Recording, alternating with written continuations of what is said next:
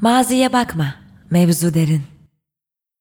OM'un Maziye Bakma Mevzu Derin sergisi, geçmişten günümüze birey ve toplum arasındaki ilişkiye ve ötekiyi tanımlama biçimlerimize odaklanıyor. Sergideki eserler, aidiyet, adaptasyon, kabul görmeme, meydan okuma gibi insan olma hallerini araştırıyor. Sanatçı ve yönetmen Sinan Tuncay 1986'da İstanbul'da doğdu. Lisans eğitimini Sabancı Üniversitesi Görsel İletişim Tasarımı bölümünde tamamladıktan sonra New York'taki The School of Visual Arts'ta fotoğraf ve video üzerine yüksek lisans eğitimi aldı. İşleri pek çok özel koleksiyonun yanı sıra İstanbul Modern, Müze Davis ve OM Odunpazarı Modern Müze gibi kurumların kalıcı koleksiyonlarına dahil edildi. Üzgünüm Leyla adlı ilk kişisel sergisi 2016'da New York'ta açıldı. Sanatçı aynı yıl New York Sanat Vakfı tarafından bir bursla ödüllendirildi.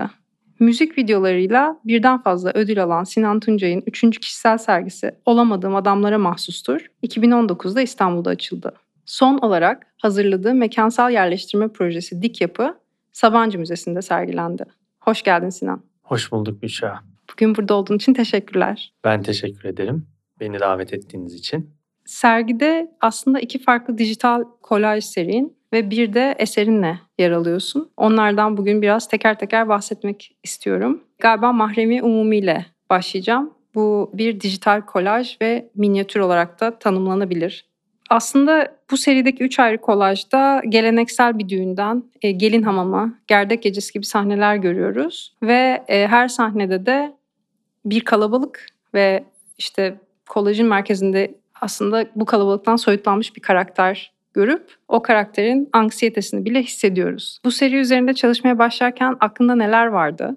Bu seriye başlamadan önce bahsettiğin gibi minyatür sanatından çok etkilendim. Çocukluğumdan beri minyatür sanatı aslında beni çok etkileyen bir sanat formuydu. Bir hikaye anlatım biçimiydi. Bu serinin yola çıkışında da kafamda böyle bir form denemek vardı. Ama ben kendimi minyatür yapıyor olarak tanımlayamam. Çünkü bunlar çizim değil. Hepsi fotoğraf. Dolayısıyla minyatürdeki yaklaşımı, minyatürdeki biçimi bir şekilde fotoğraf kolajına yorumluyorum diyebilirim. Yola çıkış noktam şuydu. Nasıl minyatürler, minyatür çizimler Osmanlı padişahlarının, işte saray hayatının bir nevi tarihi anlatım, tarihi kayıt biçimi ise ben bunu tamamen günümüze ve bugüne dair hikayeler, toplumsal cinsiyete dair hikayeler söyleyen bir formatta kullanmak istedim. O yüzden de yola çıkış noktam geleneksel bir düğünü resmetmekti. Geleneksel bir düğünün çeşitli aşamaları işte gelin hamamıyla başlayıp gerdek gecesinde son bulan çeşitli evrelerini farklı farklı karelerde anlatmaktı. O yüzden işin ismi Mahremi Umumi yani bir yandan çok mahrem olan bir şeyi, bu bir aşk ilişkisi, evlilik, iki insanın hayatını birleştirmesi vesaire bunun ne kadar toplumun bir parçası olduğu ve kamusal bir malzemeye dönüştüğünü anlatmaya çalışan bir projeye dönüştü bu. O yüzden bu tespitin çok önemli benim için. Yani çok kalabalık kareler bunlar ama bir yanda o yalnızlık ve o anksiyete var bireyin orada o kalabalığın içinde bütün gözler onun üzerindeyken oradaki ona dayatılan formlara, dayatılan role girmeye çalışması, girmeye çabalaması ve belki bunu yapamıyor oluşuna dair bir seriye dönüştü diyeyim. Benim içinde pek çok anlamı var bu serinin çünkü biraz daha yola çıkış noktamda kendi görsel dilimi oturtmaya çalıştığım bir dönemde ortaya çıkan bir çalışma bu ve tabii ki kendi kişisel hayatımdan da çok fazla ipucu taşıyor. Tamamen heteroseksüel bir evlilik, geleneksel bir Türk evliliğinin üzerinden onun içinden nasıl çıkılabilir? Onun içinde o rollere o dayatılan yaşam biçiminden nasıl kaçılabilir? Kaçılabilir mi gibi soruların cevaplarını aradığım bir dönemde ortaya çıkan bir proje. Evet bu biraz daha teknik tarafı ama birazdan bahsedeceğimiz diğer serinde senin doppelgangerlerini görüyoruz. Bu seride ise işte kadınlar da var, farklı farklı erkek tipleri var. Bunlar gerçekten fotoğrafladığın insanlar mı yoksa üretim süreci nasıl gerçekleşti acaba bu çok kalabalık minyatürlerin? Yine çok benzer minyatürden yola çıkarak özetlemem gerekirse Osmanlı minyatürlerinde e, ya da işte minyatür sanatında diyeyim çok anonim bireyler, anonim figürler görürüz. Hep birbirine benzeyen. Ben de bu projede yola çıkarken birbirine benzeyen ama aynı olmayan ve benim kafamda bir şekilde işte Türk kadını, Türk erkeği gibi bir prototipe sığan figürler yaratmak vardı. Dolayısıyla üretim aşaması çok enteresan ve çok zorluydu. Çünkü figürlerin suratları yani bir erkek ve bir kadına ait. Bedenler ise farklı farklı pek çok insana ait. Çünkü biraz orada Frankensteinlaştırarak birbirine benzeyen, birbirini andıran ama birbirinin aynısı olmayan bir kalabalık yaratmaktı kafamdaki. Yani orada gördüğümüz gelin de, damat da, gelinin annesi de, diğer akrabaları da hepsi aynı insandan türüyor. O yüzden zorlu bir üretim süreciydi. Figürler ayrı ayrı fotoğraflandı. Daha sonra yüzler, portreler ayrı ayrı fotoğraflandı ve hepsi Photoshop'ta birbirinin üzerine kolajlandı. Daha sonra tabii işin içine mekanlar girdi. Yine minyatürde çok önemli bir nokta olan mekan yani zaten benim pratiğimin bir parçası. Bir yandan toplumsal cinsiyet ve figürlerle çalışıyorum evet ama bunların mekanla kurdukları ilişki de benim için çok önem arz ediyor. Çünkü mekanın üzerinden de çok fazla hiyerarşik okuma yapmak mümkün. Mekanın beden üzerinde yaptırımları çok büyük. O yüzden on mekanla figürü birbirinden bağımsız olarak düşünmek benim için imkansız. Girdiğin yerde o yere göre ya da tırnak işareti içinde o yerin ağırlığına göre davranmak zorundasın gibi. Kesinlikle. O yerin ağırlığına göre davranmak, o mekanı nasıl yerleştirildiği, nasıl kurgulandığı da bizim davranış biçimimizi değiştiriyor etkiliyor. Onun üzerinde bir söz sahibi oluyor. O yüzden de doğup büyüdüğüm kültürdeki mekansal yerleştirmeler benim için çok önemli. Çünkü oradan pek çok ipucu buluyorum. Yani bütün o kültürel kodlar, bütün o bahsettiğimiz ve konuşacağımız bütün bu toplumsal cinsiyet rolleri hepsinin ipuçlarının mekanda gizli olduğunu düşünüyorum bir yandan. Evet, bu mekanlar arasında diğerlerinden daha az geleneksel olmasıyla ayrılan bir mekanı gayrimeşruda görüyoruz aslında. Ben bu esere ilk gördüğümden beri hipnotiz olmuş gibi bakıyorum. Hem figürler çok hareketli, bendeki en güçlü ve ilk çağrışımı ise böyle 90'larda Televole'de hep izlediğimiz bir sahne oldu. İşte bir gece mekanında eğleniliyor ve belki de o eğlence işte toplumun geri kalanına göre kendi hayatlarının parçası olan bir şey değil bir yandan. Masanın en başında sanırım Bülent Ersoy'u görüyoruz. Yine çok televole işte içkili bir mekandan el ele tutuşmuş ayrılan ve işte biraz da adamın kadını çekiştirdiği bir çift görüyoruz. Bu çalışma nereden yola çıktı ve ismi neden gayrimeşru? Öncelikle bu televole tespiti çok önemli. Benim bile tam olarak adını koyamadığım bir tespitti. Bu senden geldi. O yüzden teşekkür ederim. Gerçekten öyle çünkü çok fazla popüler kültürden imaj var. Çok fazla popüler kültüre referans var. Figürlerin duruşu, bakışı, birbirleriyle girdikleri iletişim ve onların kameraya olan pozisyonları. Yani çok teatral bir yandan. Gayrimeşru bu az önce bahsettiğim Mahremi Umumi serisinin en ortasında yer alan seri. Yani gelin hamamıyla başlayan ve gerdek gecesiyle biten bu seri de gayrimeşru benim benim için gayrimeşru bir bekarlığa veda partisi. Fakat beklenenin tersine burada tabii kadınlar, erkekler herkes bir arada ama isminden de anlaşılabileceği gibi burada bütün o bastırılmışlıkların bir şekilde açığa çıktığı bir dünya görüyoruz. Ve şiddetli sert bir dünya. Yani çok rengarenk ve çok eğlenceli gözükmesine karşın uzaktan baktığınızda yakına girdiğinizde çok fazla e, sert detayla karşılaşabiliyorsunuz. O yüzden benim için yaparken hem trajik olan bir yandan zorlayan, epey zorlayan bir işti bu. Ortadaki iş olması da yine bu bahsettiğim bastırılmışlıkla direkt temaslı. Çünkü bu beş eserden oluşan bir seri Mahremi Umumi. Her tarafında iki tane farklı iş var. Özellikle bu gayrimeşru iş, işi bir üçleme kendi içinde. Bir tarafında türbe bir tarafında da damadın hemen düğünden önceki namazı var. Dediğim gibi tamamen bu kadar yoğun, bu kadar güçlü mekanlar ve işte geleneksel ritüeller arasında sıkışmış bir dünyanın nasıl sert bir şekilde patladığını görüyoruz gayrimeşruda. Sanırım belki de bu yüzden o serideki bir climax gibi görüyorum ben onu. Bir yandan bir çözümleme var orada, bir yandan bir kaos var ve bütün işin bence temeli orada saklı. Evet ve çok önemli bir detayı unuttum. Masanın üstünde dansöz var. Bu da kullandığım patlama metaforuyla bence uyuyor. Birazcık olamadığım adamlara mahsusturdan bahsetmek istiyorum. Bu seride ise evet senin ya pek çok Sinan görüyoruz aslında birincisi bu dijital kolajlarda ve o Sinanlarla Türkiye'deki maço kültürü keşfe çıkıyoruz adeta. Yani çok erkek mekanlarda kadınların aslında neredeyse hiç olmadığı mekanlarda, koğuş gibi ya da işte sokakta yapılmış bir maçtan hemen sonra birbirleriyle hep çok çok çok samimi, Yani heteronormatif kültür aslında normal şartlar altında belki de tedirgin etmesini beklediğini ölçüde samimi erkekler görüyoruz. Sokakta da gördüğümüz gibi. Bu yani Türkiye'deki tabii ki hakim kültür, sis erkek egemen kültür. Birazcık hani bu sana neler hissettiriyor ve bu seriyi o bağlamda nasıl okuyoruz diye sormak istedim. Şimdi mahremi umumiden olamadığım adamlara mahsustura geliş enteresan bir süreç benim için. Çünkü kameranın gerisinde dururken, işin içine dahil olmazken olamadığım adamlarda tamamen işin bir parçası da oldum aynı zamanda. Yani görsel olarak da kendimi kameranın önüne atmış oldum. Çıkış noktası çok kişisel bir yerden. O da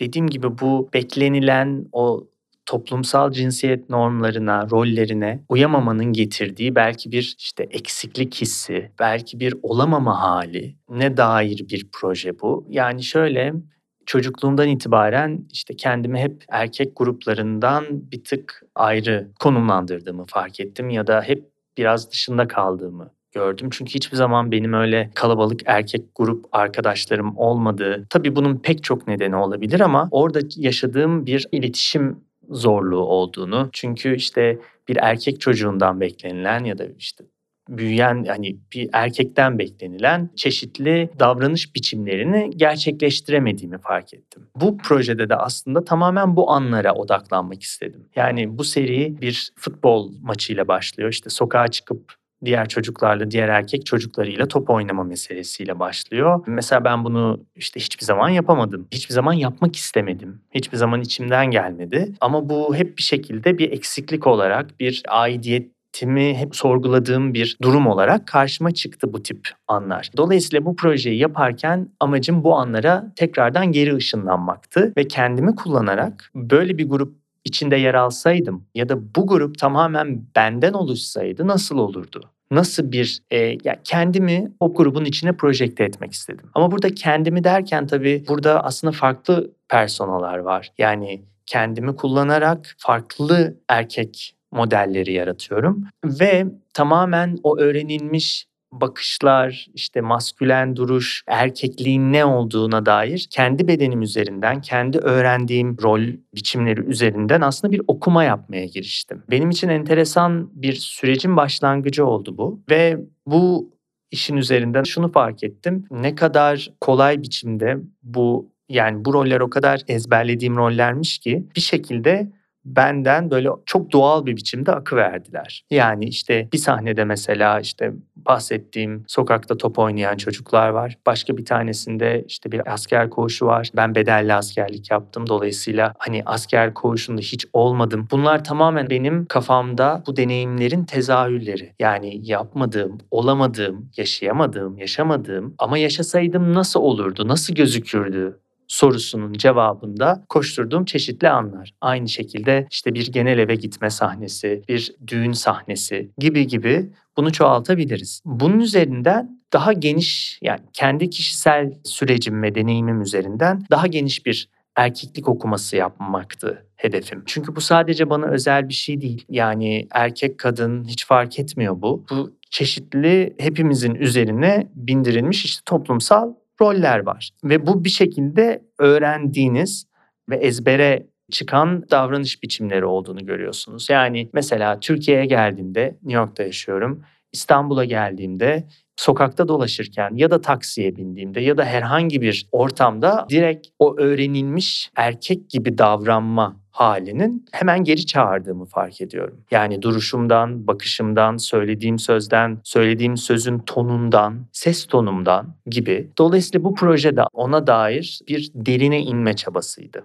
Kitap projen de aslında Utanma Benden ve onda da işte kağıt bebekler ve onların giydiği farklı üstler, altlar aslında kostümler büyük ölçüde çünkü teatral bir tarafı da var. Bu rollerin kendileri gibi herhalde. Aynı dönemden olduklarını biliyorum. Bir yandan da tüm bu anlattıklarına da çok konuştuğunu hissettirdi bana. Utanma Benden bir kağıt bebek projesi ve bu da yine çok kişisel bir yerden çıkıyor. Çünkü ben çocukken kağıt bebekler gazeteyle birlikte verilen bir kız çocuklarının oynaması için verilen bir oyuncaktı, bir oyundu. Çok eski tabii geçmişi olan 100 senelik daha bile uzun olan bir şey kağıt bebek. Bu projedeki aslında motivasyonum o dönemlerde gazetenin verdiği bu kağıt bebek kitaplarını alırdım. Ama tabii benim oynamam hoş karşılanmayacağını düşündüğüm için gizli gizli dolapta saklardım, keserdim, kendi kendime oynardım, oraya koyardım vesaire. Bu projede dedim ki ya ben bunu kendi üzerimden yapmak istiyorum. Yani kendi kağıt bebek kitabımı yapmak istiyorum ve kendi üzerimde yapmak istiyorum. Çünkü tekrar aslında söylediğim gibi bütün bu toplumsal cinsiyet rollerinin ve orada bize biçilen bütün o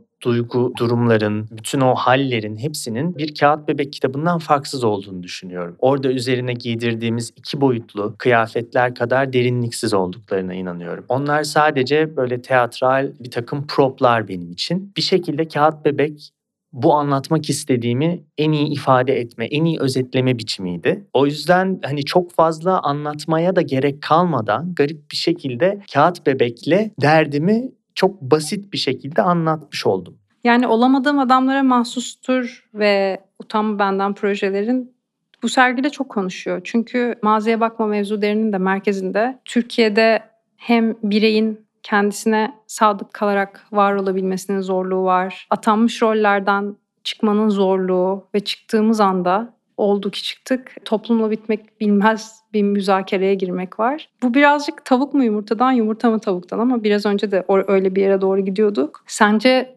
olduğumuz insana göre toplum bize bir kostüm, bir prop mu veriyor? Yoksa biz biçilen kostüme layık bireyler mi olmaya çalışıyoruz? Yani kesinlikle iki tarafta birbirini etkileyen bir durum. Bence karşılıklı. Yani evet toplum bize bir takım imajlar biçiyor. Doğduğumuz andan itibaren bu imaj bombardımanıyla büyüyoruz. Yani işte bir kadın nasıl olmalı, erkek nasıl olmalı? Zaten bunun dışında başka hiçbir opsiyon yok. Bunlardan bir tanesine uymak gerekiyor. Tabii bu bir de kendi içinde de dallanıp budaklanıyor. Yani işte şu e, ekonomik ya da sosyoekonomik durumdan gelen bir kadın nasıl olmalı? Şu aile yapısından gelen bir erkek nasıl olmalı gibi orada da dallanıp budaklanan şeyler var. Tabii ki ekonomik şartlarla birlikte bu değişiklik gösterebiliyor. Yani ne kadar durumunuz daha rahatsa belki bir şekilde ya da işte eğitim düzeyiniz daha yüksekse bir şekilde bundan kaçma olasılığınız daha fazla olabiliyor. Ama yani toplumun büyük ölçüde topluma baktığımız zaman çok kolektif bir toplum yapısındayız ve ne yazık ki bir birey olmak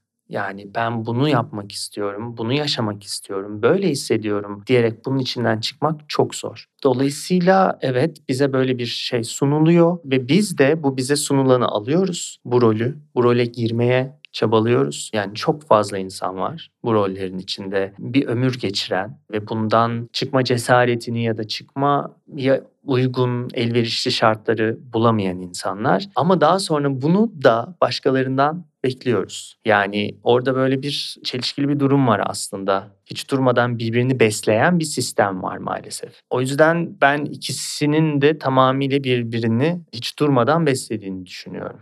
Evet ve bir parantez açmak gerekirse kağıt bebeklerden hep kitap kontekstinde bahsettik ama aslında sergideki bir diğer eserin El Bagajım Vardı da bebeğin kendisini değil ama kıyafetlerini, bavulunu görüyoruz ve o eserde şu konuştuklarımıza birebir bağlanıyor diye düşünüyorum. Evet, önemli benim için çünkü figürün kendisini görmeyip yani figür evet benim ama tamamen oradaki özneyi oradan çıkartıp kıyafetleri aslında ya da sadece işte kıyafetler, aksesuarlar, çeşitli proplar bunlar gerçekten ne söylüyor? Sadece bunlara bakmak ne ifade ediyor? O işin arkasındaki, o işi yaparken ki kafamdaki soru buydu. Hepsini bir arada böyle sanki dolaptan bir kıyafet seçermiş gibi karşına dizip bakmak bence bir yandan çok kronolojik, çok travmatik. Çünkü zaten o proje hani hem bana dair çok fazla şey var elbette ama bir yandan yine o popüler kültür üzerinden bütün hani medya bombardımanı üzerinden bir toplumsal cinsiyet okuması var. O yüzden o bir gerçekten bagaj taşıdığım, taşıdığımız hepimizin farklı farklı biçimlerde olamadığım adamlara mahsustur sergisini açtığım zaman en çok şaşırdığım, beni mutlu eden tepkilerden bir tanesi de şuydu. Evet bu erkeklik üzerine bir okumaydı ve çok fazla sergiyi gören izleyici bana gelip şunu söyledi. Yani biz hep hani şeyden bahsediyoruz, kadına şiddetten bahsediyoruz. Bütün bu erkeklik düzeninin ve işte toksik maskülenitinin bizi nasıl etkilediğinden hayat şartlarımızı vesaire içinde yaşadığımız pek çok sorunun nasıl kaynağı olduğundan bahsediyoruz ama oraya dönüp bakmıyoruz. Yani bunun nedenlerini, erkeklik, erkek olma başlığının altında neler yaşandığını, orada da erkeklerin maruz kaldığı bir takım şeyler var sistemin en başından itibaren yani çocukluktan itibaren erkek yetiştiren bir düzen var ve esas sorgulanması gereken, esas cevabın aranması gereken yer o sistemin kendisinde. Yani neden biz böyle yetiştiriyoruz bu erkekleri? Ve hani olamama hali sadece zaten erkekliğe özgü bir şey değil. Yani kadının herkesin aslında olamama ile sürekli bir mücadelesi var. Çünkü işte toplumun beklentilerini karşılamak vesaire. O yüzden izleyicilerin o hiç bu açıdan bakmamıştık ya da hiç erkeğe bu açıdan bakmamıştık diyerek bana gelmesi enteresandı. Bu beni mutlu etti çünkü demek ki hani belki bu yoldan da giderek yeni sorular sorma şansımız var. Yani var olanı değiştirmeye yönelik bir takım girişimlerimiz olabilir diye düşündüm. Evet, yakın senelerdeki 8 Mart'larda işte çok gördüğümüz dövizlerden biri şeydi. Patriarka öldürür ve tabii ilk aklımıza gelen şey evet Türkiye'de kadın cinayetleri kadınları öldürür ama aslında patriarka herkesi öldürür. Aynen öyle. Aynen öyle herkesi öldürür ve yani tabii burada çok önemli yine kendi işlerimde altını çizmek istediğim aslında queer beden durumu var. Yani şimdi buradan bu işte kadın erkek sürekli bir ikilik üzerinden kurulan bir tartışma var. Ama burada queer beden nereye oturuyor? Queer bedenin aidiyeti bu yine konuşmamız gereken yani homofobi zaten başlı başına kadına şiddetle eş zamanlı konuşmamız gereken bambaşka bir dünya ama biraz da giriş yapmaya çalıştığım dünya bu. Okumaya çalıştığım, kendi üzerimden okumaya çalıştığım bir queer beden aidiyeti var. Bu seride konuk ettiğimiz sanatçılara kapanış sorusu olarak sorduğumuz bir soru var. Maziye Bakma Mevzu Derin adını bir kamyon arkası yazısından alıyor. Senin sevdiğin, aklında kalan bir kamyon arkası yazısı ya da yine sergiyle benzer dönemlerden 80'lerden bugüne belki sloganlaşmış, ikonikleşmiş ve kamyon arkası olabilecek bir şarkı sözü var mı? E, aklıma ilk birkaç sene önce Mardin'de gördüğüm bir kamyon arkası yazısı geliyor. Hatta onun bir fotoğrafını çekip sosyal medyada da paylaşmıştım. Hatalıysam ara, tanışalım. Bunu şundan seviyorum. Burada bir diyaloğa çağrı var. Yani hatalıysam gel konuşalım. Gerçekten bir şekilde hani kapılarını kapatma, aç, bana neden hatalı olduğumu anlat ve tanışalım. Yani konuşmanın ötesinde gerçekten birbirimizle tanışalım. Buna hepimizin ihtiyacı olduğunu düşünüyorum. Şahane. Çok teşekkürler. Ben teşekkür ederim. Bu podcast serisi OM'un Maziye Bakma Mevzu Derin sergisi kapsamında gerçekleşmektedir. Hazırlayanlar Büşra Erkara, Bala Gürcan ve Umut Özcan. Destekleri için Aposta'ya teşekkür ederiz. Bir sonraki bölümde görüşmek üzere.